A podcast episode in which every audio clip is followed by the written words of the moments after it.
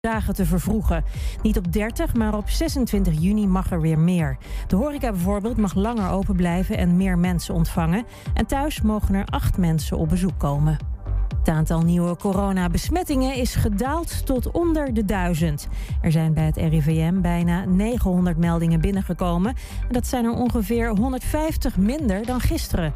Het aantal coronapatiënten in de ziekenhuizen is licht gestegen met vijf. Maar de verwachting is dat ook daar de daling weer gaat inzetten. Twee Amsterdamse tieners zijn vrijdagmiddag van een dak gevallen en overleden. Nabestaanden zeggen bij AT5 dat het een noodlottig ongeval was. De jongen en het meisje waren net geslaagd voor hun HAVO-examen. De school waar ze op zaten heeft vanmorgen stilgestaan bij hun overlijden. En de spelers van het Nederlandse elftal hebben niet uitgebreid feest gevierd na de overwinning gisteravond op Oekraïne. Nathan Ake zei dat het tijdens het eten wel gezellig was aan tafel, maar dat ze daarna alweer focusten op de wedstrijd van donderdag. Dan speelt Oranje tegen Oostenrijk. Het weer, veel zon en 22 tot 30 graden. Vanavond is er dan wat bewolking. Morgen begint ook met wolkenvelden. Later meer zon en 20 tot 26 graden. Tot zover het ANP-nieuws. Waar kan ik een APK laten uitvoeren en meteen een onderhoudsbeurt van mijn auto laten doen? Ik ga altijd naar eh, de Gebroeders van der Mei uit Enschede. Vakmanschap, passie en echte service zijn kernwaarden van Gebroeders van der Mei. Of het nu gaat om eh, APK-keuringen, reparaties, bandenopslag, totaalonderhoud, deuken verwijderen of een nieuwe trekhaak, zij regelen het voor je.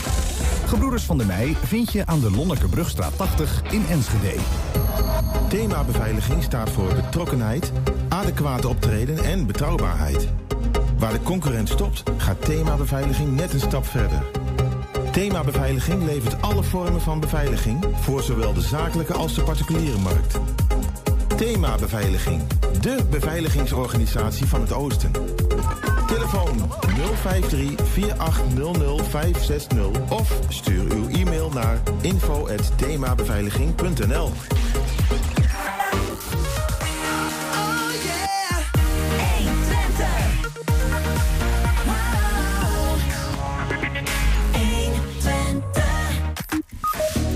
Pieter Omtzigt verlaat het CDA. We praten daarover met CDA-gedeputeerde Eddy van Heijem... en vragen de Enschede'ers of zij op lijst Pieter Omtzigt zouden stemmen. Symfonia Jong Twente mag eindelijk weer spelen... en nu moeten ze in een krappe maand een heel concert uit de grond stampen. De Special Olympics Nationale Spelen zijn binnenkort in Twente... maar het blijkt nog altijd niet even goed gesteld met de G-sport in Twente. En Getty van Bussel startte elf jaar geleden de eerste creatieve broedplaats van Twente.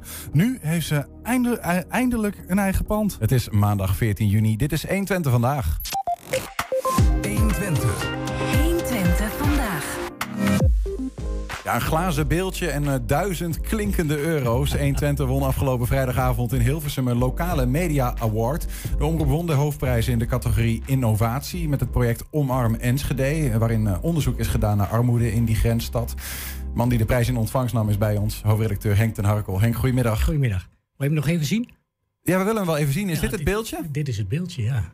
Beeld schoon? Beeldschoon, ja. Daar zijn de Ja, meningen over verdeeld, Daar hè? zijn de meningen over Maar je verdeeld. hebt ook een criticast als het gaat om glas. Jazeker, maar ik bedoel, dit is glas en dit is een beeldje en we hebben hem gewonnen. Dat is het belangrijkste eigenlijk. Ja. Eh, dat beeldje staat natuurlijk symbool voor, eh, voor een, een bepaalde waardering voor een, eh, voor een project. Laten we er zo meteen even op komen. Eerst even afgelopen vrijdagavond, Hilversum, je zit in een zaal... en op een gegeven moment hoor je, die award gaat naar 120. ja. Wat, wat gaat er dan door je heen? ja, niet, niet zo heel veel. Nee, nog niet? Nee, nee, ik... eh, ehm, ja, dat klinkt wat raar, maar we hebben best met ons allen eh, eh, echt een heel mooi product gemaakt. En ik dacht, oké, gerechtigheid, zoiets. Je had eigenlijk wel een beetje... eh, Het Nou was ja. gek geweest als je hem niet had gewonnen, dat zeg je eigenlijk. Nou, ik, ik vond dat we hem verdiend hadden. Ja, en dat is, nou, de jury vond dat ook. En het leuke is, er staat dan wel een lokale media award. Het lijkt alsof het een heel lokaal prijsje is, maar dat is het niet. Het is echt een nationale, een, een nationale prijs voor lokale omroepen. En wat ik begrepen heb, is dat het 230 inzendingen waren. Nou, en als je dan wint, dan doe je het goed. Even voor wie dat eh, gemist hebben. Wat is het eigenlijk wat 120 heeft gedaan... waar ze zo'n erkenning voor hebben gekregen? Nou, we zijn anderhalf jaar geleden eh, begonnen met het project Omarm Enschede. En daarvoor hadden we een heleboel andere projecten, omdat we heel vaak één of twee keer per jaar een groot project eh, onder de arm nemen en dat gaan uitzoeken en onderzoeken. En dat hebben we met de armoede in Enschede gedaan. En we hebben gekeken van waar komt nou de stelselmatige armoede in Enschede vandaan? Hoe komt het dat al decennia lang de stad in, ehm, ja, in verval is, is misschien een groot woord, maar bekend staat als een armoedige stad. Wat zijn nou de oorzaken daarvan en wat kunnen we eraan doen? Dat hebben we uitgezocht. En dat is uiteindelijk, uh, ik denk anderhalve maand geleden of twee maanden geleden, zoiets. Is, heeft dat geresulteerd in een uh, long read. Dat is een, een, ja, een soort samenvattende boodschap over... nou joh, mensen, als je dat leest, dan weet je precies hoe het met de armoede in Enschede is. Het is een samenvatting en tegelijkertijd een vrij omvangrijk artikel... Ja. omdat het onderzoek ook vrij omvangrijk was. Waar begint zo'n onderzoek eigenlijk? Waar begin je, eigenlijk zou ik bijna zeggen, in hemelsnaam? Dat is een groot onderwerp. Ja, goed onderwerp. Je begint bij de, bij, altijd bij een onderzoeksvraag. En wat was die? De onderzoeksvraag is hoe komt het dat Enschede al decennia lang in armoede eh, leeft? Mhm.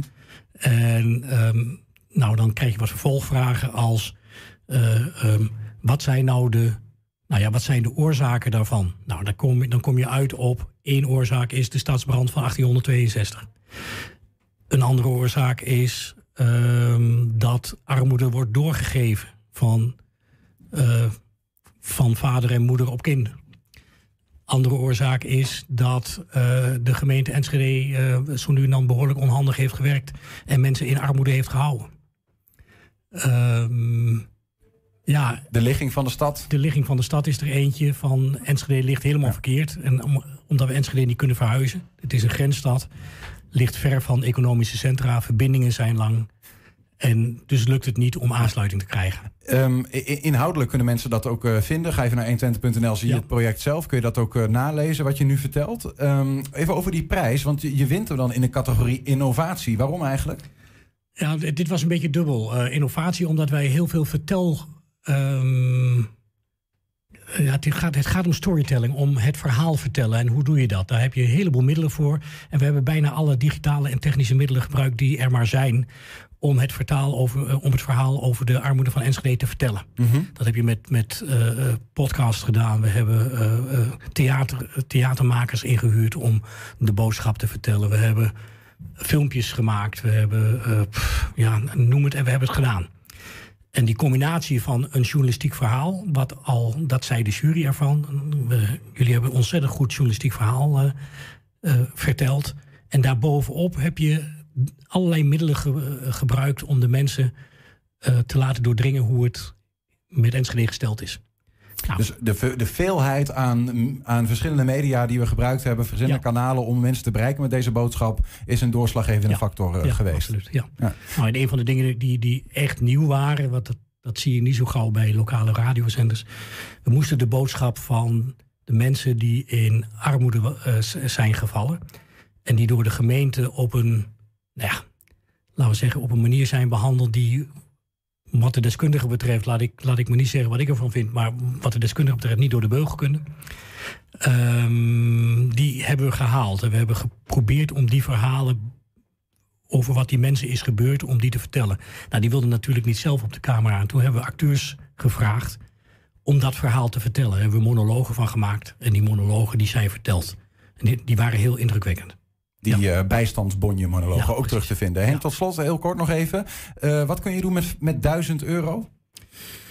Eh, een, een, Dat een- is hem? Je Dat is hem, eh, ja. Een, een training op maat, een opleiding, cursus of workshop ehm, ter waarde van 1000 euro. Dus we gaan een van de collega's blij maken, schat ik in.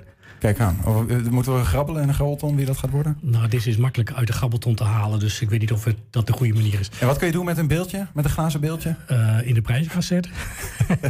En lang naar kijken, eh, ja, ja, ja. Mogen anderen dat doen? Dat mogen anderen doen. Ja, Henk ten Hakkel, dankjewel. graag gedaan. Ja, straks praten we met CDA-gedeputeerde Eddy van Heijem over het vertrek van Pieter Omzicht uit zijn partij. En we vragen de Enschedeërs of zij op lijst Pieter Omzicht zouden stemmen. 120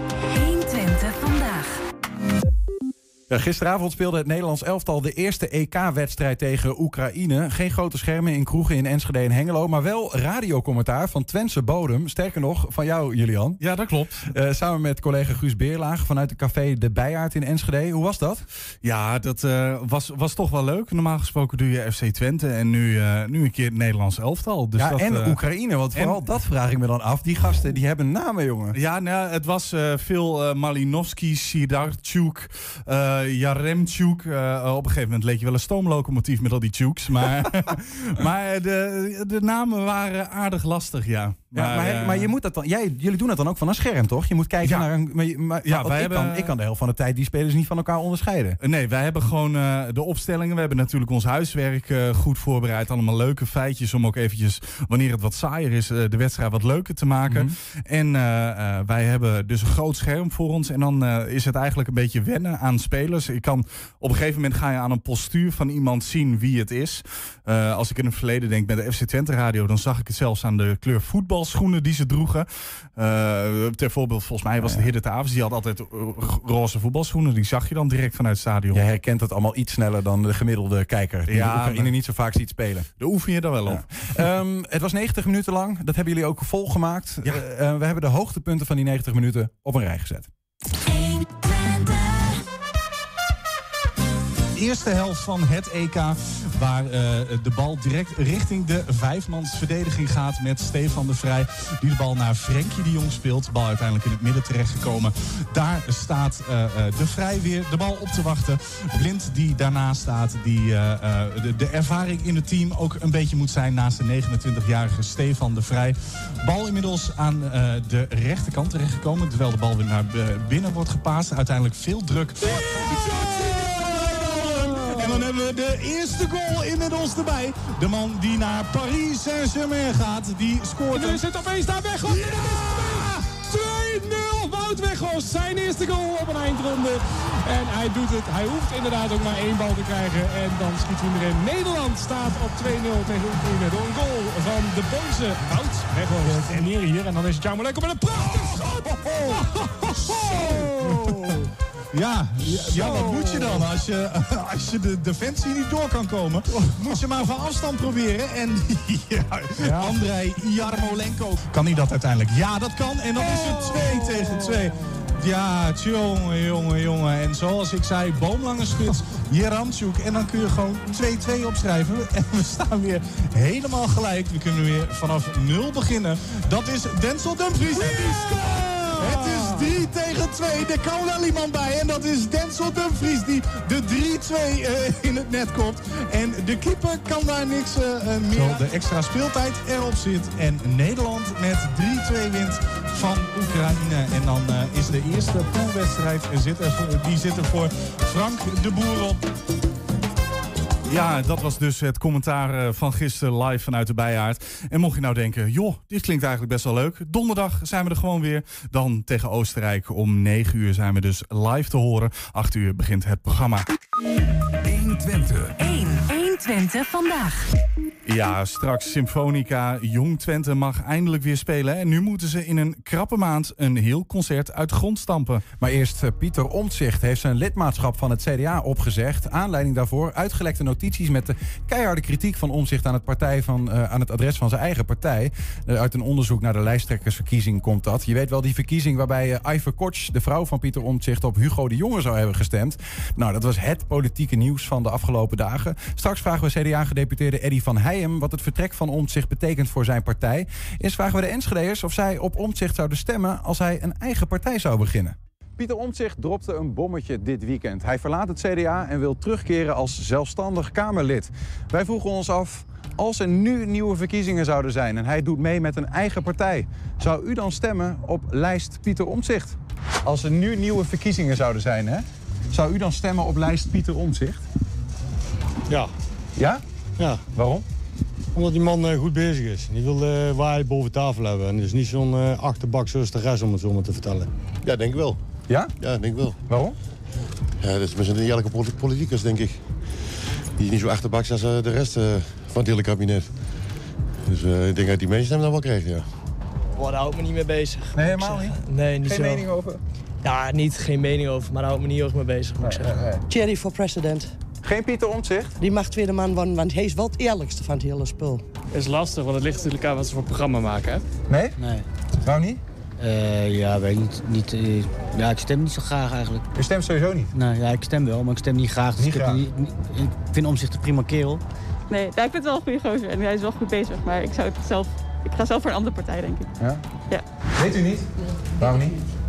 Nee, dat eh, heb ik nog niet zo mee bezig gehouden. Nee, heeft u wel gehoord dat hij uit zijn partij is gestapt? Ja, dat wel. Wat vindt u daarvan? Ja, vind ik wel jammer eigenlijk. Jammer voor? Voor hem. Voor hem? Dat Ja. het zo nodig was? Ja. Ja. Zou hij een eigen partij moeten oprichten? Ja, misschien wel. Ja. denk Ja, het. u weet nog niet of u dan op hem zou stemmen? Nee, dat weet ik nog niet. Ik moet nou de boodschap halen. Ik ben meer met voetbal bezig op dit moment. Ja, wat vond je van het Nederlands elftal dan? Ja, gewoon een leuk potje, toch? Leuk potje, Eind- toch? Ja, eindelijk weer eens. Ja, ja, precies. Maar eh, deden ze het goed, deden ze het slecht? Ja, volgens mij deden ze het wel goed. Eindelijk, eindelijk weer een keer eh, een leuke pot. En eh, nou, eindelijk geen kritiek meer, denk ik. Zou hij een eigen partij op moeten richten, vindt u? Ja, denk ik wel. Ik denk dat hij veel mensen achter zich kreeg. Maar hij heeft wel even een paar dingen boven water gehaald waar ze niet van gediend van waren. Dus eh, ik denk dat hij een eerlijke politiek eh, levert. Dus ik denk dat hij, eh, denk dat hij wel eh, vier, vijf ophaalt. Wa- Wat zijn jullie aan het bouwen? we zijn er maar wel aan het slopen. Slopen? Lekker man. Hè? Ja, dat mag hij van mij wel doen, ja. Hebben ze denk ik eh, genoeg volgers denk ik, achter hem staan. Dat weet ik niet. Ja, er zijn zoveel partijen. Eigenlijk vind ik per definitie van niet. Maar misschien hij beter dan iemand anders die er Dus zit. per definitie bent u een beetje een anarchist? Nee, maar per definitie zijn er al heel veel partijen. Dus Ja, ik denk het wel.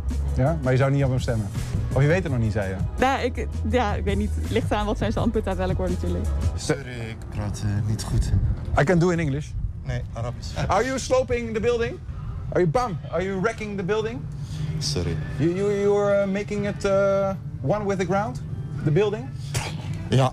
Yes? Ja. Is nice work? Ja. Ja. Like that?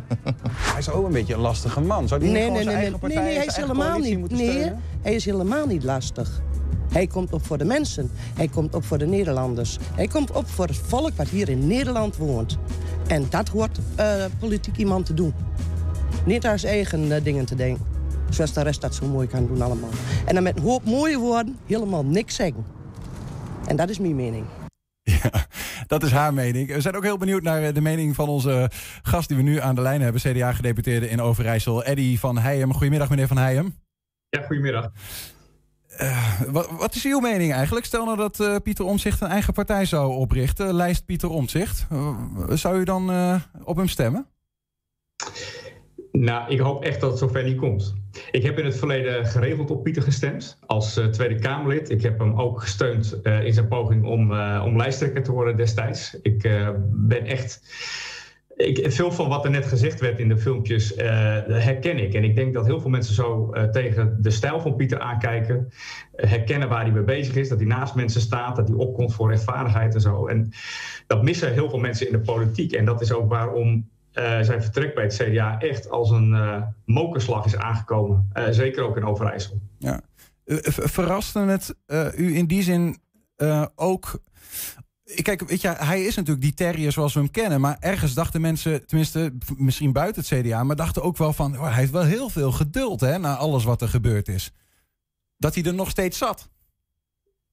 Ja, maar het tekent hem ook wel. Ik geloof ook echt dat hij niet uit was op een breuk per se. Kijk, het is, ik ken Pieter al heel lang. Ik ben, eh, we zijn ooit in 2003 samen in de Tweede Kamer eh, gestart. Eh, ik heb twaalf jaar met hem samengewerkt in de Kamer. Daarna vanuit de regio heel veel contact met hem gehouden.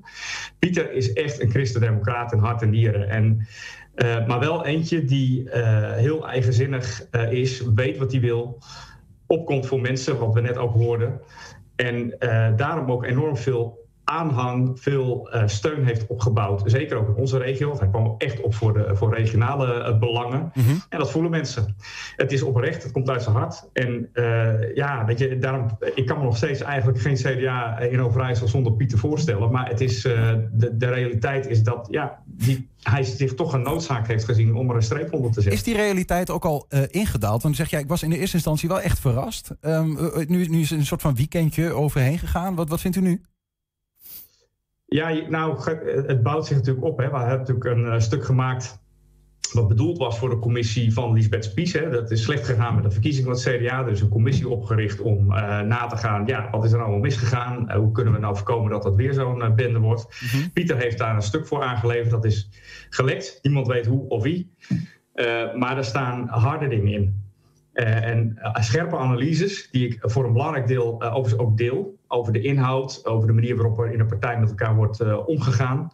Er staan ook dingen in over personen waarvan ik af en toe denk, nou ja, het is goed om daar in ieder geval ook de andere kant van het verhaal te horen. En er staan ook dingen in, beschuldigingen over een partij die geld aangenomen zou hebben en daarom van standpunten gewisseld zou zijn. Nou, dat moet echt op de kortst mogelijke termijn worden, worden toegelicht en uitgelegd door het partijbestuur. Maar dat was een, een bom. Dat was echt een bom in de partij. En op een gegeven moment voel je dan aan, nou, dit, dit kon wel eens heel ingewikkeld worden om, om, om nu nog bij elkaar te komen. Als zoiets op straat ligt, uh, raken ook persoonlijke verhoudingen steeds meer uh, beschadigd. Geldt dat, geldt dat overigens ook, geldt dat ook voor bijvoorbeeld de relatie tussen u en uw partij? Of andere CDA-prominenten in, in, in deze regio bijvoorbeeld? Die echt wel, u zegt al, ik, ik steun voor het grootste gedeelte wel de dingen die, die Pieter Omzicht heeft gezegd in dat memo. Uh, is er ook um, oplopende twijfel nou ja, bij andere CDA-prominenten in deze regio, in wat ze nu met die relatie met CDA moeten? Nou, dat, dat merk ik nog niet echt. En dat komt omdat we, denk ik, en zo heb ik het stuk van Pieter ook gelezen, uiteindelijk wel op zoek zijn naar hoe kunnen we die partij beter maken. Want er werd net ook net zo gezegd, er, zijn zo gruwelijk veel partijen op dit moment. Er zijn al 18 in de Tweede Kamer. De, hele samenleving, de hele politiek, uh, die fragmenteert, die polariseert. De ene vindt helemaal dit, de ander vindt helemaal dat. Ik geloof nog steeds, en ik denk ook eerlijk gezegd, uh, dat Pieter zo in de wedstrijd zit, dat er behoefte is aan een middenpartij waarin mensen uh, nog proberen om uh, verbinding te zoeken, waarin de overheid de schild voor de zwakken is, echt voor rechtvaardigheid opkomt, naast mensen staat, maar ook een beetje de verbinding uh, blijft zoeken. Um, zo heb ik ook die poging van Pieter wel gelezen om met elkaar daarover in gesprek te gaan. Ja, maar goed, nu komt er in ieder geval een uh, onafhankelijk uh, Kamerlid, Pieter Omtzigt. Uh, zo heeft hij zelf gezegd, die intentie heeft hij. Um, ja, dat is toch maar weer een extra versplintering. Die is er dan. ik kan me voorstellen dat CDA'ers zeggen van... ja, ik vind het CDA heel leuk, behalve al die dingen die er nu misgaan. Dus ik ga met meneer Omtzigt mee. dus wat betekent deze afscheiding in dat opzicht? Ja, daar kan ik op dit moment eenvoudigweg nog niet helemaal overzien. Niemand, denk ik. En ik geloof ook echt, Pieter uh, heeft zich genoodzaakt gezien hier een streep onder te zetten. Zijn vrouw blijft gelukkig ook CDA-lid. Het laat wel iets zien. Ik geloof ook echt dat hij verbonden blijft, in ieder geval met die idealen. Maar dat hij het gat met de partijtop uh, te groot vond. Ja. Ik denk dat voor ons nu echt de zaak is om hem rust te geven, sowieso. en op het moment dat hij terugkeert naar de Kamer, ja, zullen wij er ook wel alles aan doen om die verbinding te blijven houden. Het is natuurlijk niet zo dat nu hij uh, de partij uh, vaarwel heeft gezegd, dat hij voor ons in de regio ook niet meer uh, benaderbaar en toegankelijk is. Daar geloof ik niet in. Ik denk dat hij nog steeds ons een warm hart toedraagt. Dat is vanuit ons absoluut het geval. Wij zullen die samenwerking absoluut blijven zoeken. En we zullen ook een hele hoop lessen moeten trekken uit de dingen die echt fout zijn gegaan. En kijk, voor het CDA is het erop onder onder. Um, Wat bedoelt u daarmee? Nou, het is, uh, het is natuurlijk een uh, enorme crisis in de partij. En laat ik zeggen. Merkt u dat ook echt achter de deuren, achter de schermen? Dat, het, dat er nu echt wel alle hens aan dek wordt gegeven van dit, dit, dit is te ver gegaan? Ja, ik merk, kijk, um, het, het, gaat toch over het voortbestaan nu van de christendemocratie wat op het spel staat. We zullen die partijen met elkaar opnieuw moeten uitvinden om. We zeggen wel dat we een volkspartij zijn, en dat willen we zijn. Maar de realiteit is natuurlijk dat je met 15 zetels in de Kamer en 8 in de peilingen uh, dat niet meer bent. En ik geloof nog steeds dat Pieter met zijn boek en zijn ideeën over sociaal contract in ieder geval een aantal bouwstenen heeft aangereikt die ons kunnen helpen om, om dat ideaal toch weer waar te maken. Om dichter bij die mensen te komen. En echt weer um, een, een, betekenisvolle rol in de politiek te spelen. Niet als, niet als machtspartij primair. Want dat, dat is wat mensen in het CDA vaak zien. Hè? Een bestuurspartij alleen maar gericht op het behoud van de macht. Het gaat ons uiteindelijk ook om idealen en om verbinding ja. in, de, in de samenleving. En dat, daar legt hij heel scherp de vinger bij. daar hoor ik dan een beetje uh, eigenlijk uw advies aan de, ook wel de landelijke partijtop. Hè? Van uh, probeer daar nou iets van mee te nemen, denk ik. Ja. Um, maar ik vroeg me ook nog af, heeft u ook een advies aan de meer lokale afdeling van het CDA, die nu misschien wel met een worsteling zitten, ook in deze regio? Van ja, hoe moeten we ons nou verhouden tot dit hele verhaal? Ja, nou daar zijn we uiteraard ook met elkaar over in gesprek. Ook met afdelingen, ook met provinciale afdelingen. En wat onze lijn daarin echt is, is dat wij zeggen wij willen lokaal en regionaal met uh, die bouwstenen, zoals ik ze net noemde, hè, dat sociaal contract, het van onderop werken aan die politiek, willen wij aan de slag. We willen echt die verbinding op de inhoud met elkaar zoeken. Inhoudelijk is er ook geen conflict in het CDA. Uh, de dingen die Pieter vindt zijn natuurlijk ook in belangrijke mate wel opgenomen in ons verkiezingsprogramma. Toch is er heel veel vrevel. Ja. Sorry, het laatste ja, Ik zeg toch is er heel veel vrevel. Dus toch lijkt het alsof er twee kampen zijn. Die wordt niet voor niks, ja. uh, ik noem het maar even, teringhond genoemd. Of uh, een, een, een, een nazi-achtig figuur. Ja, dat is Verraden. Echt, uh, ontoelaatbaar in iedere partij. Maar zeker in een partij die zich laat voorstaan op waarden en normen. Dus dat soort dingen, daar moet echt met kracht afstand van worden genomen. En weet je, dat kan gewoon niet. en dus, dus omgangs, het gaat over de manier waarop we met elkaar omgaan. Maar het gaat natuurlijk nog veel belangrijker is... Uh, ja, hoe zorgen we ervoor dat we met elkaar weer die, die herkenbare politiek ja. ook een beetje van dat midden weer gestald krijgen? En in dat opzicht, meneer Van Heijem, die herkenbare politiek van het CDA, de normen en waarden, het nieuw sociaal contract waar Pieter Omzicht ook over praat, um, kan het CDA die normen en waarden weer terugkrijgen, weer opnieuw adopteren, de partij zijn wie ze willen zijn met de huidige partijtop? Um, ja, ik denk dat niet vanzelf. Um, we hebben een commissie in het leven geroepen, commissie uh, Spies. Hè, die zal echt een aantal uh, lessen moeten trekken uit wat er gebeurd is. En ik heb ook al gezegd, het gegeven dat Pieter nu geen lid meer is, mag niet betekenen dat zijn hele analyse aan de kant geschoven wordt. Nee, die analyse zal echt integraal onderdeel moeten zijn van uh, de evaluatie van die commissie. En dan zul je ook andere mensen moeten horen, het altijd horen en wederhoren. Maar dan moet je een eerlijke terugblik geven over hoe dingen gelopen is. En dan kun je elkaar ook weer in de ogen kijken en stappen vooruit zetten. En ik geloof dat CDA veerkracht heeft. We zijn al vaker doodverklaard, afgeschreven en noem maar op. Uh, er is echt wel behoefte aan die middenpartij, aan waardegedreven politiek. Maar dan moet je dat ook waarmaken. Uh, want anders is het alleen maar reclame en geen inhoud. En daarom vind ik het vertrek van Pieter zo ontzettend jammer, want hij gaf um, dat geluid inhoud. Hij gaf het een gezicht. Hij, uh, het was een stijl van politiek bedrijven, inhoud, um, waar denk ik heel veel mensen zich in herkennen. En die ook heel erg bij het CDA past zoals het zou moeten zijn. Tot slot. Um... Stel nou dat het de partij uh, uh, op een of andere manier lukt om zichzelf opnieuw uit te vinden. Met of zonder de huidige partijtop. Hè? De, de, de dingen die u net beschrijft weer opnieuw adopteren. Gelooft u dan in de ultieme lijnpoging een eventuele terugkeer van Pieter Omtzigt bij het CDA? Nou, daar durf ik echt niet op vooruit te hopen. Ik, ik, hoop het zeer. Hè? Laat ik dat voor opstellen. Ik vind dat Pieter bij het CDA hoort en het CDA bij Pieter. Um, en ik, ik, heb echt ontzettend, ik zit echt ontzettend in mijn maag met deze splitsing. Maar ik weet het niet. Uh, hij gaat er uiteindelijk zelf over. Ik kan me ook goed voorstellen dat alles wat uh, gebeurd is hem niet in de koude kleren is gaan zitten. Dus hij zal echt tijd en rust nodig hebben, nodig hebben om dat te verwerken. Maar ik geloof ook dat wat hij in zijn afscheidsbriefje heeft geschreven. Hè, van ik ga met pas als ik hersteld ben en ik kom weer terug in de Kamer. Dan ga ik nadenken over mijn politieke toekomst. Ja, dan zal er wel een uitgestoken hand moeten uh, zijn vanuit de partij. En ik heb al aangegeven vanuit onze regio zullen wij echt die verbinding uh, blijven zoeken.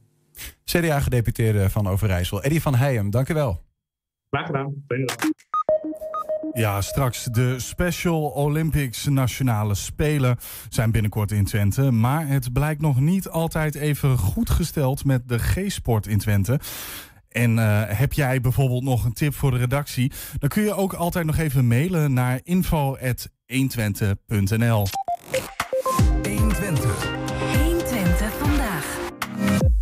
Ja, na maanden van wachten en langer dan een jaar zonder concert in volle formatie... begint voor Symfonia Jong Twente eindelijk het echte werk weer. Op dit moment wordt er hard gerepeteerd voor het zomerconcert genaamd Terug naar het Theater. Ja, bij ons in de studio gaan we erover praten met de beide orkestchefs. Dat zijn Lieselotte Nijhoff en uh, Carleen Oonk. Welkom. Ja, hoi. Hallo. Ik heb begrepen, jullie hebben op 26 juni een concert... En begin juni horen jullie dat je dat concert mag gaan geven. Ja, dat klopt. Dat lijkt me crisis in het orkest. Um, een klein beetje, maar toch zijn we ook wel razend enthousiast. Want uh, we mogen eindelijk weer. En daar hebben we zo lang op gewacht. Um, ja. We hebben zoveel uh, concerten moeten afblazen op het laatste moment. Um, en iedereen uh, heeft ontzettend veel zin in om eindelijk weer met z'n allen op het podium te staan. Ja, ja. Wat, wat waren de eerste reacties, Lieselot, toen jullie dat hoorden? Nou, eigenlijk weer heel blij dat we, dat we weer naar het theater mogen. En zo heet het concert ook, is de titel. Terug naar het concert, of naar het theater. En nou, eigenlijk was iedereen heel blij. En we zijn er gewoon keihard voor aan het werken om het voor elkaar te krijgen. En dat gaat ook zeker lukken. En Wat, hoe, hoe pak je dat aan? Eh, eh, had je al iets op de plank liggen? Eh, of Eh. ben je nou from scratch? Hoe gaat zoiets eigenlijk als je in een, in een maand een concert in elkaar moet rammen? Nou, we hadden nog wel wat stukken liggen, maar die hebben we eigenlijk allemaal weer van de baan gegooid. Ja. En eh, eigenlijk zijn, hebben we geluisterd naar orkestleden. Dus wat willen zij graag spelen? Waarvoor eh, hebben zij de motivatie? En eh, op die manier hebben we een nieuw repertoire opgesteld met veel muziek. Omdat dat toch wel, eh, ja, bij de jeugd valt dat altijd goed. En iedereen vindt dat leuk en mooi. Filmmuziek. Ja, klopt. Is dat moeilijk te spelen? Eh, ja, het gaat. Het is vooral heel veel energie en power. En ja, ja leuk. Ik heb begrepen, eh Carleen, dat het voor jou ook om een andere reden een bijzonder concert is. Ja, klopt. Want het is mijn laatste concert bij dit orkest. Waarom? Eh, omdat ik eh, nu ondertussen zeven jaar bijspeel. En eh, het tijd is voor een nieuwe uitdaging, ook qua studie. Ehm, dus ik ben waarschijnlijk niet meer in Enschede. En dan, ja, dan is dit dus mijn laatste afsluiting. En wat speel je? Afsluit. Dwarsfluit. Ja. En jij, Lieselot, wat speel je zelf? Viool. Viool. Ja. Want jullie zijn beide orkestchef. Wat Ja. betekent dat eigenlijk? Nou, wij zijn eigenlijk een beetje de twee personen tussen het orkest, dus de leden en het bestuur. En we zitten zelf ook nog mee in het bestuur, bestuursvergaderingen en Mhm. zo. En wij zorgen er eigenlijk voor dat de leden alle informatie krijgen die ze nodig hebben. Zoals eh, brieven voor de concerten, de repetitietijden. Dus nu ook, we gingen weer repeteren, dus hoe gaan we dat doen? Eh, dat de leden alle informatie krijgen die ze nodig hebben. En dat communiceren we ook weer met het bestuur. En zo zitten wij daar eigenlijk een beetje tussen, dat het allemaal heel soepel verloopt. Oké. En hoe was het dan eh, die, die afgelopen coronamaanden, zeg maar? Eh, heb je veel, veel klachten van, het van het koor moeten of van het concert moeten on- ontvangen van het eh, orkest? Nou, niet klachten. Nou, iedereen vond het wel heel jammer dat we niks konden doen de afgelopen maanden. Maar we hebben dat nu, eh, maken we dat weer helemaal goed. Door er gewoon vol voor te gaan. De energie is weer eh, helemaal terug. Ja, helemaal. Jullie hebben begin eh, in de coronatijd, het begin van de coronatijd, hebben jullie zeg maar, niet eh, het erbij laten zitten. In de eerste instantie een soort van thuisconcert opgenomen. Of in ieder geval een nummer opgenomen. Ja, klopt. Een nummer opgenomen online. En dat is iedereen thuis vanuit zijn eigen woonkamer of slaapkamer gedaan. En eh, de dirigent heeft dat allemaal onder elkaar gezet en gezorgd dat het allemaal op hetzelfde, op dezelfde ritme was. Zodat iedereen wel tegelijk speelt. En dat hebben we op eh, internet, op social media gezet. Om toch iedereen nog weer een beetje aan het spelen te krijgen. Ja, Was, was dat een succes? ja zeker. Ja? Ja. We hebben een klein stukje.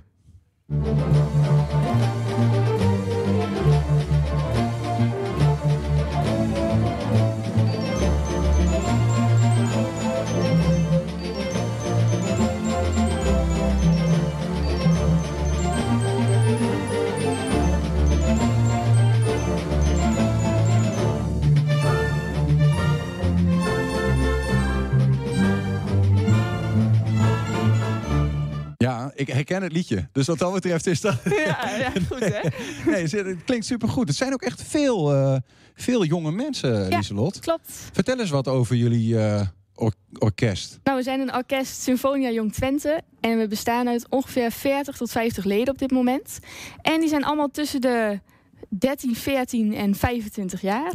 En samen maken we muziek. En we hebben eh, eigenlijk alle instrumenten die een symfonieorkest nodig heeft. En die komen echt uit heel Twente, komen ze ook? Ja, ze komen echt uit de hele regio en ook uit de Achterhoek.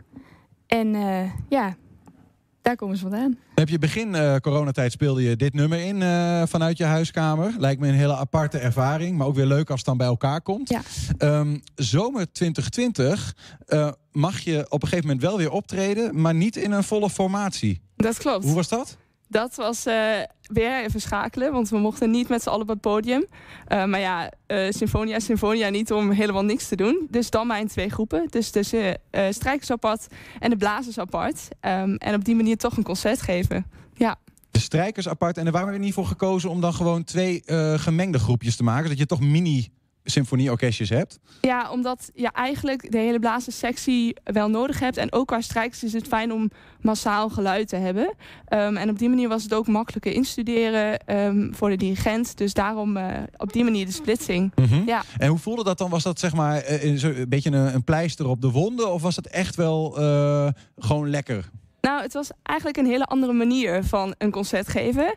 Ehm, omdat je als blazers normaal eh, best wel solistisch bent onder de strijkers. Uh, maar nu ga je samen, uh, ja, samen een stuk uitvoeren. En dan heb je een hele andere rol.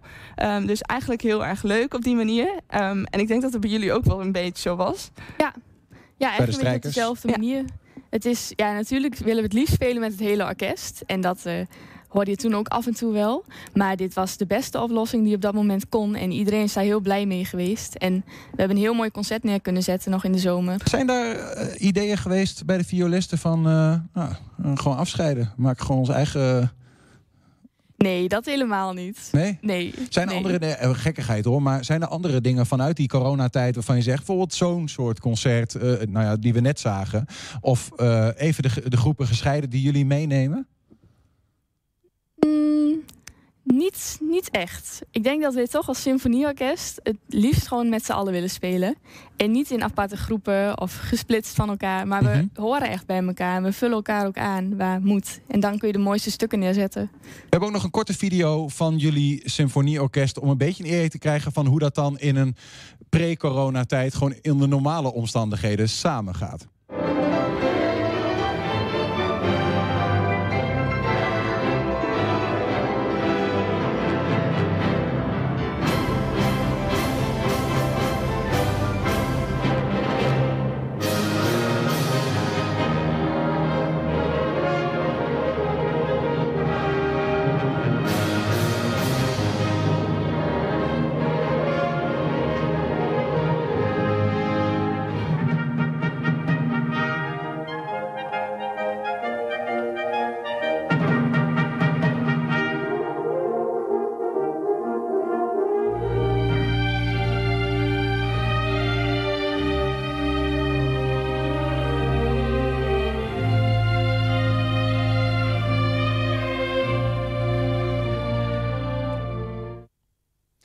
Ja, kleine correctie. Want we zagen de video, toen dacht ik, oh, maar dit is inderdaad gescheiden. Uh, dit was de video die je in coronatijd hebt ja, gemaakt. dit is het concert in co uh, coronatijd, klopt. Ja. Dus, dus eigenlijk om jullie gewoon weer samen, zo, eigenlijk zijn jullie spreken, is bijna een voorbeeld van hoe dat dan uh, straks is, weer samen in die zaal te zien met elkaar, moeten we 26 juni gaan kijken. Ja, zeker. Maar kan dat nog? Ja, de kaarten zijn nog verkrijgbaar via www.symfonia.nl. Um, en we spelen twee concerten om 7 uur en om 9 uur. Dus uh, kom alle kijken. En waar is het? In het muziekcentrum in Enschede, in het centrum.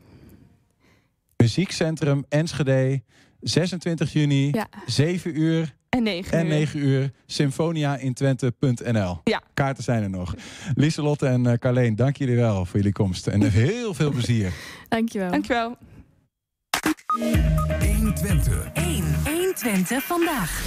Ja, over een jaar moet het spektakel in Twente beginnen. De Special Olympics uh, Nationale Spelen. Het grootste landelijke sportevenement voor mensen met een verstandelijke beperking. Echter is het nog niet overal in Twente even goed uh, gesteld met de G-sport. Dat blijkt uit een rondgang van RTV Oost en 120. Er is namelijk geen eenduidig beeld van het aanbod van de G-sporten en hoeveel potentiële G-sporters er zijn in de regio. Verslaggever Teun van der Velde ging in Hengelo op zoek bij een van de weinige hockeyclubs met een G-team. Als we kijken naar de hockeyclubs in Twente, dan zijn ze ongeveer dit. Kijken we naar de, G de clubs met G-hockey, dan blijven er twee over. En dat uh, zorgt ervoor dat we voor wedstrijden verder weg moeten, bijvoorbeeld naar Groningen of naar Arnhem. Marjolein Purmer zette 20 jaar geleden een G-sporttak op bij hockeyclub Twente in Hengelo. In die 20 jaar is er veel verbeterd in de G-sport, maar valt er volgens haar ook nog veel te winnen. Nou ja, naast de afstanden die we af moeten leggen is denk ik... Uh, het ledenwerven is, wel, uh, is soms lastig. Uh, veel komen via mond-to-mond reclame. maar ik denk dat het voor ouders lastig is om te weten wat er is op het gebied van, van G-hockey. Of van G-sport en in, dan in het bijzonder G-hockey. Binnen de club is het nu redelijk bekend, maar ik denk dat het verder niet heel bekend is dat... Uh, wat er eigenlijk allemaal is aan G-sport. Op dit moment is het vaak dat er naar aanleiding van vraag aanbod wordt gecreëerd. Dus wanneer, uh, en dit is ook vaak een persoonlijk initiatief. Dus wanneer iemand, uh, iemand in de omgeving heeft, bijvoorbeeld met een verstandelijke beperking, dan wordt hier vaak ook aanbod voor gecreëerd. En ja, daardoor is het vaak nu ook onduidelijk en is het niet zichtbaar waar nu precies de sportverenigingen zitten die G-sport aanbieden. Vanuit de Special Olympics deed Eva Velers afstudeeronderzoek naar de gehandicaptensport in Twente. Ook zij komt tot de conclusie dat er nog veel te verbeteren valt. Vaak denken de reguliere sportverenigingen dat ze niet de juiste kennis in huis hebben. Terwijl het juist voor deze doelgroep ehm, helemaal niet veel aanpassingen nodig zijn. En dat ehm, vaak op heel veel op gevoel al wel nodig is. Of met het juiste advies van bepaalde begeleiders kunnen ze al heel veel betekenen. Het is niet zo dat ze allemaal extra apparatuur of dingen moeten aanschaffen. Een herkenbaar beeld voor wethouders Brugging en Maathuis uit Hengelo en Almelo. Zij zien ook in dat er iets moet gebeuren. Als het gaat om uh, het bewustzijn bij clubs, hè, dat ze uh, ook aandacht hebben voor G-sporten, dat kan verbeterd worden. er zijn al heel veel clubs die G-sporten doen, maar er zijn ook nog clubs waar dat niet zo is. Ik denk dat bij verenigingen ook kennis en kunde aanwezig moet zijn om met deze specifieke doelgroep, die toch een bepaalde aanpak nodig heeft, om daar op een goede manier mee om te gaan. ook te combineren met het reguliere sporten. En er zijn allemaal hele goede mogelijkheden voor om dat te doen. Uh, maar het vergt ook een stukje aandacht, een stukje begeleiding. En daar moeten we gewoon nog een paar stappen in maken. Volgens hockeycoach Purmer hoeft de oplossing niet moeilijk te zijn. Ik denk een centraal punt. Zeg maar waar alle informatie, nou ja, weet je, een internetsite waar alle, alle sporten uh, op zijn, dat dat al um, uh, beter is. En ehm, het organiseren bijvoorbeeld van uh, ja, clinics, dat dat bij scholen dat dat gecentraliseerd wordt. We krijgen wel eens verzoeken om op een school een clinic te geven. Maar ja, dat is dan dat is heel beperkt. Er liggen nog wel kansen op het gebied van uh, competitie of uh, wedstrijden. En uh, deze kans kunnen de sportverenigingen ook aanpakken door ook meer samen te werken. Dus ook naar elkaar te kijken en dingen te overleggen, zodat ze ook met, van elkaar kunnen leren, maar ook dus iets van een toernooi of een competitie op kunnen zetten. Je moet zorgen dat je lokaal een goed sportaanbod hebt voor mensen met een, met een beperking. Tegelijkertijd moet je er ook voor zorgen dat er ja, niet alles kan per gemeente georganiseerd worden. Want er zijn misschien de aantallen te klein voor. En dat moet je in regionaal of subregionaal verband uh, moet je dat oppakken. Ik denk dat we dat echt heel goed op elkaar moeten afstemmen. Uh, je ziet ook dat deze sporters ook echt over de regio heen verspreid uh, worden. Het is onmogelijk om elke sport in elke gemeente aan te bieden. Dus je hebt al snel vervoersbe vervoersbewegingen door Twente of zelfs boven, buiten Twente. En dan moet je het met elkaar gewoon goed regelen.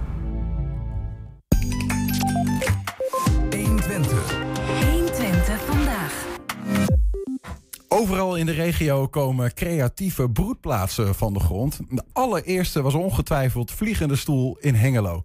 Elf jaar geleden begonnen door Getty van Bussel met de compagnon Judith. Judith haakte af, maar Getty vliegt nog altijd boven Hengelo. Waar ze elf jaar lang anti-kraak zat, heeft ze nu een eigen nest gebouwd. Aan de Drienebeekweg 30 zit sinds kort het kleinste theater van Hengelo. Getty, goedemiddag. Hoi. Um, een, een, creatieve broedplaats. Kun, kun je eens vertellen, wat doe je eigenlijk? Ja, wat doen we eigenlijk? Nou, daar kan ik uren over doorkletsen, maar in het kort, wij maken theater, wij maken performances, wij zijn open voor kunstenaars die samen met ons iets tot stand willen brengen. En het allerbelangrijkste wat we doen is dat we ruimte en tijd en aandacht geven aan beginnende kunstenaars. Niet zozeer jong, want ook als je 55 bent kan je beginnend zijn. Maar juist die mensen die nog een klein steuntje in de rug nodig hebben die kunnen bij ons terecht. Maar hoe moet ik dat dan voor me zien? Stel, ik voel mezelf een kunstenaar en ik denk van, joh, maar ik, ik, voel een kunstenaar in me, maar ik weet niet waar ik moet beginnen. Kan, kan ik met die vraag al aankomen? Ja, dat vind ik alleen al, moet ik al heel erg hard om giechelen. En dan denk ik, ja, leuk, kom maar. Want wat maakt dat jij je een kunstenaar voelt? Want die hele discussie van wanneer ben je dan een kunstenaar, is een soort van eeuwigdurende mm discussie. Dus ik zou met jou dan heel graag in gesprek willen gaan van hoe zou je dat willen uiten en hoe komt het dat jij dan ergens denkt dat jij een kunstenaar bent? En is het nodig om überhaupt dat etiketje eraan te hangen? Of wil jij graag laten zien wat er van binnen bij jou leeft? Nou, als het dat laatste is, en dat is het meestal, dan kunnen we praten over hoe zou je dat vorm willen geven? En wat heb jij nodig om dat te kunnen laten zien? Alleen roep ik er dan meteen bij, wij zijn geen afhaalloket. Dus het is niet zo dat jij jouw vraag bij mij neerlegt en ik dan even met mijn mouw schud en dan met een oplossing kom. Dus samen gaan we dan aan de slag en samen gaan we kijken wat is er nodig, zodat jij kan laten zien, wellicht ook samen met anderen, wat er dan beweegt. En welke rol heeft het theater dan? Uh, want dat het lijkt een beetje naast elkaar te staan in ja, mijn hoofd. Dat, dat snap ik. Nou, theater is onderzoeken en uitproberen. En theater is voor ons bij Vliegende Stoel geen uh, tekst krijgen die door iemand anders geschreven is. En dan krijg jij een rol, dan ben jij Pietje Puk en dan ben jij uh, Tante Annie. En die komen elkaar ergens tegen. En wij werken mhm. met een thema. Dus er wordt aan het begin van het seizoen wordt er een thema neergelegd. En dan moeten we het er eerst heel goed over hebben. Van wat betekent dat voor jou? Wat betekent dat voor jou? Wat betekent dat voor ons samen? En dan gaan wij aan het maken. Dat is wat bij ons theater is. Dus ook daar zit het onderzoek en het schuren. Het mag wel een beetje schuren. Maar is dat geïntegreerd met dat creatieve broedplaatsverhaal? Ja, dat, is, dat creatieve broedplaats is natuurlijk een uh, heel spannend verhaal. Uh, helemaal sinds uh, twee jaar die fantastische subsidie boven Twente zweeft. Um, het interessante is dat wij al veel langer een creatieve broedplaats zijn. En vroeger voegden we daaraan toe voor talentontwikkeling, maar ja. dat werd een beetje lang. Um, bovendien moet je dat dan weer gaan zitten uitleggen. Dus we hebben het nu creatieve broedplaats. En binnen die creatieve broedplaats kan je theater maken, maar je kan ook een performance voorbereiden. Je kan vragen aan ons: mag ik de ruimte? Dan ga je in de ruimte. Wil je dan dat we meekijken en dat we nog eens even zeggen van joh, je kunt het ook zo benaderen. Dat kan ook ja. allemaal. Stel als ik als beeldenkunstenaar bij jullie kom, dan bereid ik bijvoorbeeld iets beeldends voor in zo'n theatervoorstelling. Moet ik het zo een beetje zien? Ja, dat zou helemaal super tof zijn uh, als we de combinatie kunnen vinden. Dus we kunnen ook zeggen van wij maken een theatervoorstelling over thema X. Mm -hmm. En wij zoeken daar beeldende kunstenaars bij die aansluitend of tegelijkertijd ja, ja, iets willen laten zien. Heb je in die afgelopen elf jaar wel eens nee moeten verkopen? Dat je zei van ja, daar zijn we niet voor bedoeld? Nou, we zijn niet bedoeld, um, uh, we zijn geen uh, uh, cursusinstelling. Dus het is, we hebben wel verschillende, we bieden verschillende dingen aan. Maar we hebben dus niet, de enige moment, momenten dat ik nee heb moeten zeggen is als een, een, een, ouder mij mailt met ik heb hier een jongetje van tien met um, die en die speciale aandachtsbehoefte. Naar welke cursus kan ik hem toedoen? Dan zeg ik, uh, zeg ik dan, zeg ik nog een keer uh, En dan zeg ik, kom even een keertje praten. En dan gaan we kijken of het binnen het huidige concept past. Dus als zo'n jongetje dan gezellig mee wil doen op zijn of haar manier, helemaal best. Maar we gaan niet speciaal voor een doelgroep of voor um, uh, mensen met X, Y of Z, gaan we niet speciaal iets maken. -hmm. En is het in, die, in, in die tijd uh, wel eens voorgekomen dat je iets, een product had wat daar gemaakt werd, of een gedachtegoed wat later echt heel veel lucht heeft gekregen, zeg maar, wat sky high is gegaan, waar je, dat je dacht van hé, hey, dat had ik zelf wel willen bedenken? Uh, daar kom ik zo niet 1, 2, 3 op. Maar wat, je wel, wat we wel hebben gezien in de afgelopen elf jaar is dat we mensen geraakt hebben. En dat mensen, dus de individuele mensen wel stappen verder zijn gekomen of soms hele andere wegen in zijn geslagen. Het mooi voorbeeld is dat er nu een van de uh, theatergasten die als uh, 14-jarige broekie uh, kwam ik haar tegen. Ja, die gaat binnenkort gewoon zelf haar eigen producties maken en haar eigen lessen draaien. Um, een andere jonge theatermaker ook, die heeft een hoi hoi een tussenjaar binnenkort. Nou, dat zal ze weten. Um, dus, he, dan, dus die ruimte is er. Dus ik vind het mooi als mensen met hulp van anderen in de gezamenlijke in de verbinding. Hè, altijd dat je, dat je zelf leert vliegen. Mm -hmm. Het heeft helemaal niet zoveel zin dat ik de hele tijd blijf voordoen hoe je moet vliegen. Het is wel interessant dat vliegende stoel kan zeggen: hé, hey, daar is een tak en, en daar zijn je vleugels. Probeer het eens. Vandaar die naam. Ja, die naam die heeft beweging in zich. En die hebben ik en mijn compagnon Judith uh, toen de tijd natuurlijk bedacht. En ja, dan moet je, je moet iets. Je moet een pakkende naam hebben. Je moet een naam hebben die blijft bestaan. En voor ons zat het heel erg in dat wij beweging, dat wij in beweging wilden zijn. Wij wilden zelf ook verder. En een stoel, daar zit de standvastigheid in en de pootjes op de grond. En een normale stoel beweegt niet. Nou, bij ons wel, dus was daar de combinatie vliegende stoel. Je zat jarenlang in een anti-kraakpand. Uh, je zat overal en nergens, zouden we ja. kunnen zeggen. Ja. Uh, en nu heb je dus een vaste stek aan die ja. Drienebeekweg 30. Ja, super. Um, ik roep de hele tijd dat het een grote mensenpand is. Dus met grote mensen verantwoordelijkheden. Mm -hmm. um, en het is een pand wat ons precies past. Een eigen ingang, een fijn buiten. Het is een fantastisch plekje. Het ligt iets achteraf. Het ligt toch in het centrum van Hengelo. Het heeft een heel eigen sfeer. We hebben voldoende ruimte, maar niet te veel. We hebben een aantal foto's. Misschien kun je, je ziet ze daar in de hoek uh, voor jou. Ja, Misschien kun je ons even meenemen. Wat zien we? Uh, praat- en denken ruimte. Mm -hmm. uh, alles wat je ziet was zwart of heel donkergrijs. Dus we hebben met z'n allen, en dat is ook heel fijn... met de hele vliegende stoelploeg, iedereen die daar zin in had... die heeft likjes verf um, op de muur geschilderd. Dat betekent dat sommige muren vier keer moesten. Want ook dat was ervaren. Hoe werkt een verfroller? Hoe groot is die ploeg? Even tussendoor. Nou, dat wisselt, maar ik heb een uh, ontzettend actieve uh, jongere groep. Tussen de 16 en de 30 zijn ze. Die heten Jonge Gasten. En die hebben zich echt helemaal uit de naad gewerkt. Hoeveel zijn dat er ongeveer? Dat zijn er op dit moment tien. En die zijn uh, heel standvastig en super trouw. En ook voor hen is het, dit is ook hun plek. Dus het eigen maken was een onderdeel in het hele proces natuurlijk. Mm -hmm. En dat is iets wat je met een anti-kraak nooit doet. We hebben nog, ik weet niet of we nog wat foto's hebben. Ja, dit is de stoel. Ah, hij vliegt de vliegende ja, stoel. De vliegende stoel. En die vliegt echt al jaren mee. Dus mensen die ons wat langer kennen, die zullen zeggen: Oh ja, daar is hij weer. Maar hij is nu geland. Ja, hij is nu geland. En het is wel interessant, want toen ik in de ruimte binnenkwam, toen uh, bleek dat ergens achter nog een eigen ingang zat. Nou, dat bleek dit te zijn. Maar dat stond helemaal volgebouwd met, ja, ja wist ik het maar. En uh, nou ja, gaandeweg uh, gingen die spullen eruit en bleek daar dus een. Ja, we zagen wat blauwe tegeltjes erachter. Dus nieuwsgierig als we zijn, dachten we, nou, we trekken wat er voor zit eraf. En toen bleek dat er halve muur mee kwam. dus ja, daar moet je dan weer een oplossing voor bedenken. En dat zijn van die momenten. Um, dan roept er een, nou, dan kunnen we niet gaan mozaïeken. Ja, natuurlijk kunnen we dat. Dus dat doen we dan. Dus zodoende is Van een ons- probleem een uh, mogelijkheid maken. Ja, want uh, vliegende stoel werkt altijd vanuit dat wat er kan. En niet zozeer vanuit ja, maar als ik dan zus en als ik dan dit. En uh, nou, dit is onze hele frisse toiletgroep.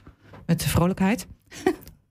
Ik zie het, ja. Mooie bloemetjes aan de muur. Met mooie bloemetjes aan de muur, ja. Hey, even, want we, we kijken ondertussen nog even verder. Maar wat, Dit is onze werkruimte. Dit is de grote ruimte. Je moet, als je een foto neemt, moet je natuurlijk vanuit een bepaalde hoek nemen. Dus in werkelijkheid is hij nog groter. Het ziet er heel leeg uit. Ja, dat is ook fijn, want we houden van leeg. Uh, lege werkvloer is het fijnste wat we kunnen hebben. Want dan kan er dus nog van alles ontstaan. Oké, okay, maar dat moet nog ingevuld. Dat nee, dit, dit blijft zo. En dan per groep die erin is, uh, die zet zijn of haar spullen erin. Okay. Dus uh, wat je niet ziet is een, een uh, opslagdeel. Daar staan stoelen, uh, daar staan uh, mogelijkheden tot decor, daar staan blokken waar je op kan gaan zitten, staan, liggen.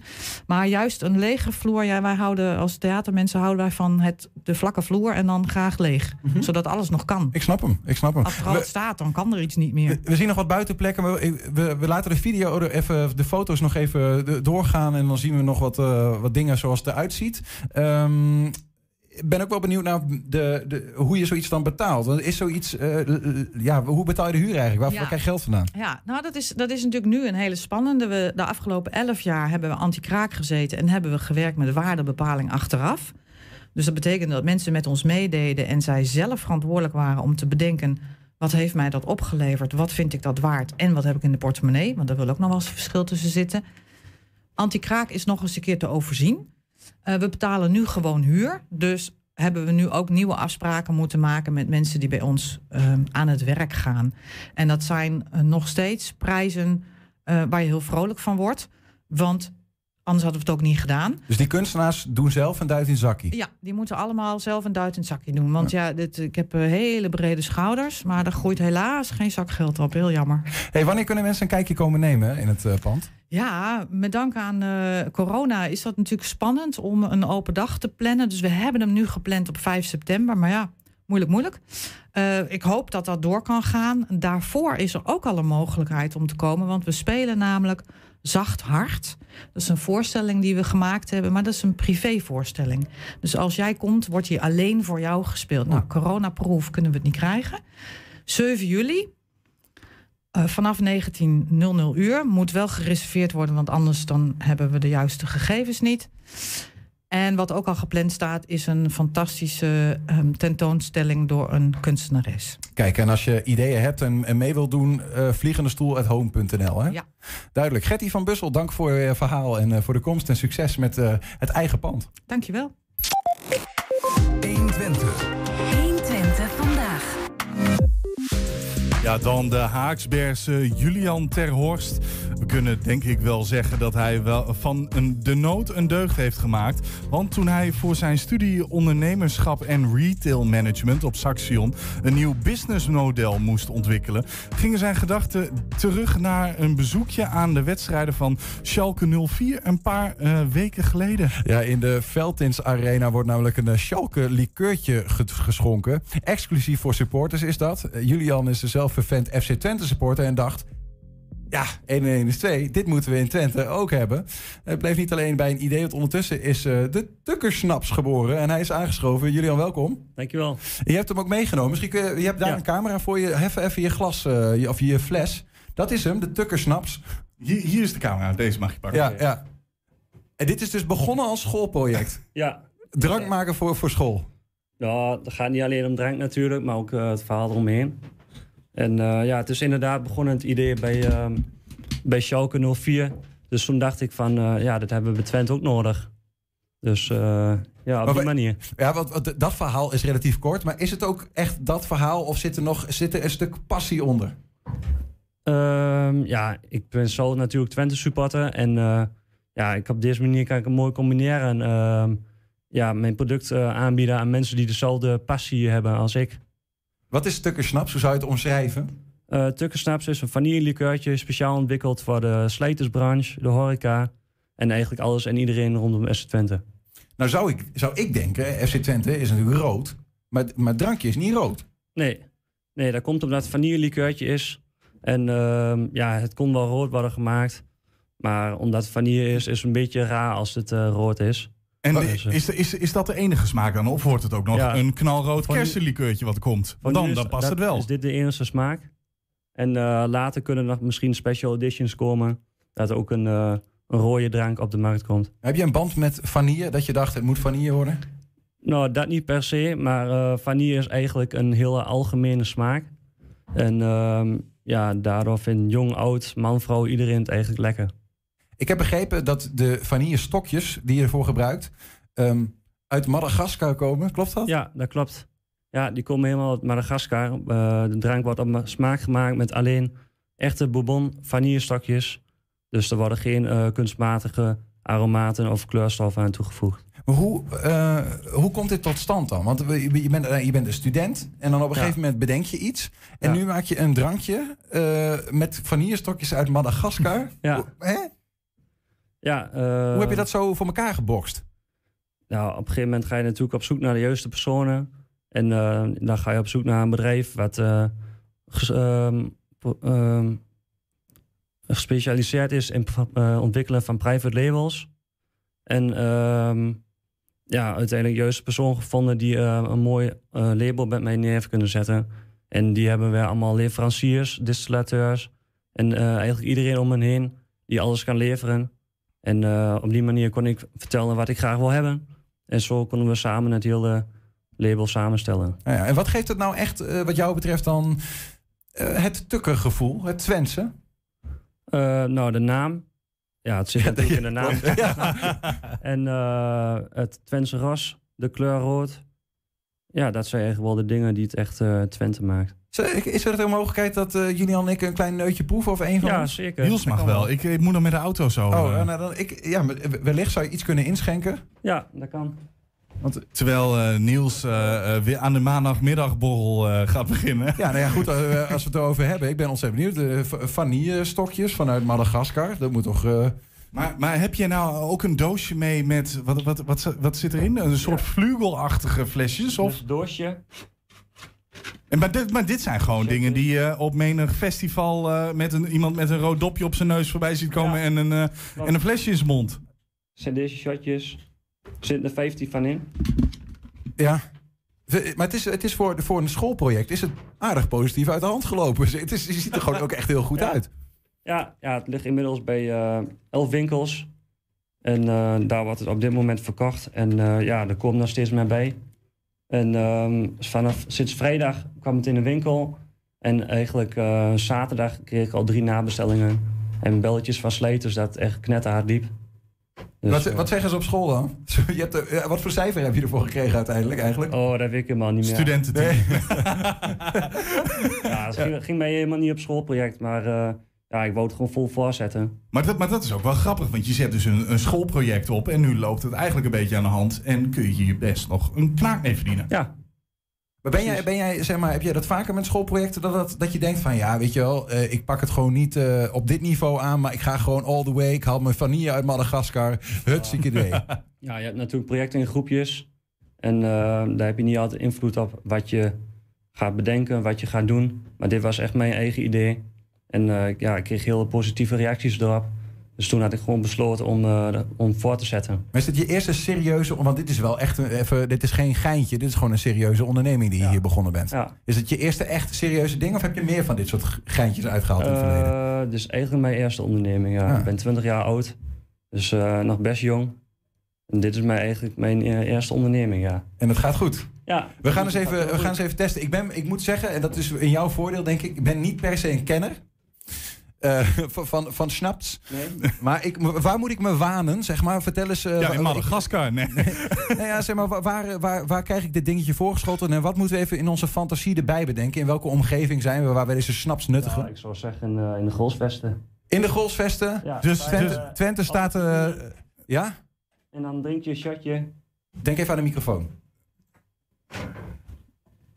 Ik sta in de Golsvesten. Ja? Twente, Twente Ajax. Uh, het, is, het is 1-1. Uh, in de negentigste minuut. We spelen voor de, uh, voor de top, voor de Eredivisie. De, gewoon de winst, de titel. En Twente maakt in die 92ste, laatste minuut, de winnende goal. En daar drinken we op. En? Ja, dat is... ja. Die grijns van jou, die ken ik wel. Dat, dat betekent dat het aardig lekker is. Heb je nog, heb je nog wat? Hij is lekker, man. Lekker zoet. Hè, voor de zoete kou is dit uh, goed te doen. Ja. ja, het is gewoon algemene smaak. 14,5% alcohol, dus uh, het is gewoon zacht. Drinkt makkelijk weg. Mm -hmm. Heerlijk, ja. Uh, je hebt overigens je, bent, je hebt ook samen, samengewerkt met andere Twentse bedrijven, hè? ja, dat klopt. Ik heb deze doosjes ontwikkeld samen met Carton Plus uit Enschede. En ehm, die hebben hele mo mooie machines. Die uh, bedrukken het karton en lasers die snijden het uit. Vond je dat belangrijk om dat echt uh, van, van Twentse bodem uh, te houden? niet alles is van Twentse bodem, maar ik vind het wel ja, belangrijk. Ja. Nee, ja. En ja, het liefst wel uit Twente natuurlijk. Wat is, wat is, het, wat is het ultieme doel wat jou betreft? Mijn Waar moeten deze is, dingen te halen zijn straks? Mijn doel is dat Tukkersnaps het drankje van Twente wordt. Alleen van Twente? Ja, mag ook nog groter worden. Als ze in New York uiteindelijk are Tucker Snaps. We need that. Ja, dat zou wat zijn. Ja. Je Twente ook nog een beetje op de kaart. ja, dat is ook uiteindelijk een doel van mij. Uh, ik wil hier meer gewoon Twente op de kaart zetten. Landelijk en misschien ook wel internationaal. Ik wens je daarmee heel veel succes. Dank het smaakt in ieder geval hartstikke goed. Uh, het ziet er goed uit. Dus uh, alle ingrediënten zijn er uh, om een succes te laten worden. Julian Terhorst, dankjewel. En succes met je tukkersnaps. Bedankt. Ja, en tot zover 120 vandaag. Terugkijken, dat kan direct via 120.nl en vanavond om 8 en 10 uur op televisie. Zometeen hier Henk Ketting met een dampend gloednieuwe kettingreactie. Wij zeggen in ieder geval tot morgen. 120. Weet wat er speelt in Twente. Met nu het nieuws van 4 uur. Ik ben Cornelie Krietenmeijer. Goedemiddag. Het land gaat iets sneller van het coronaslot. Het kabinet heeft namelijk besloten de volgende ronde met versoepelingen vier dagen te vervroegen. Niet op 30, maar op 6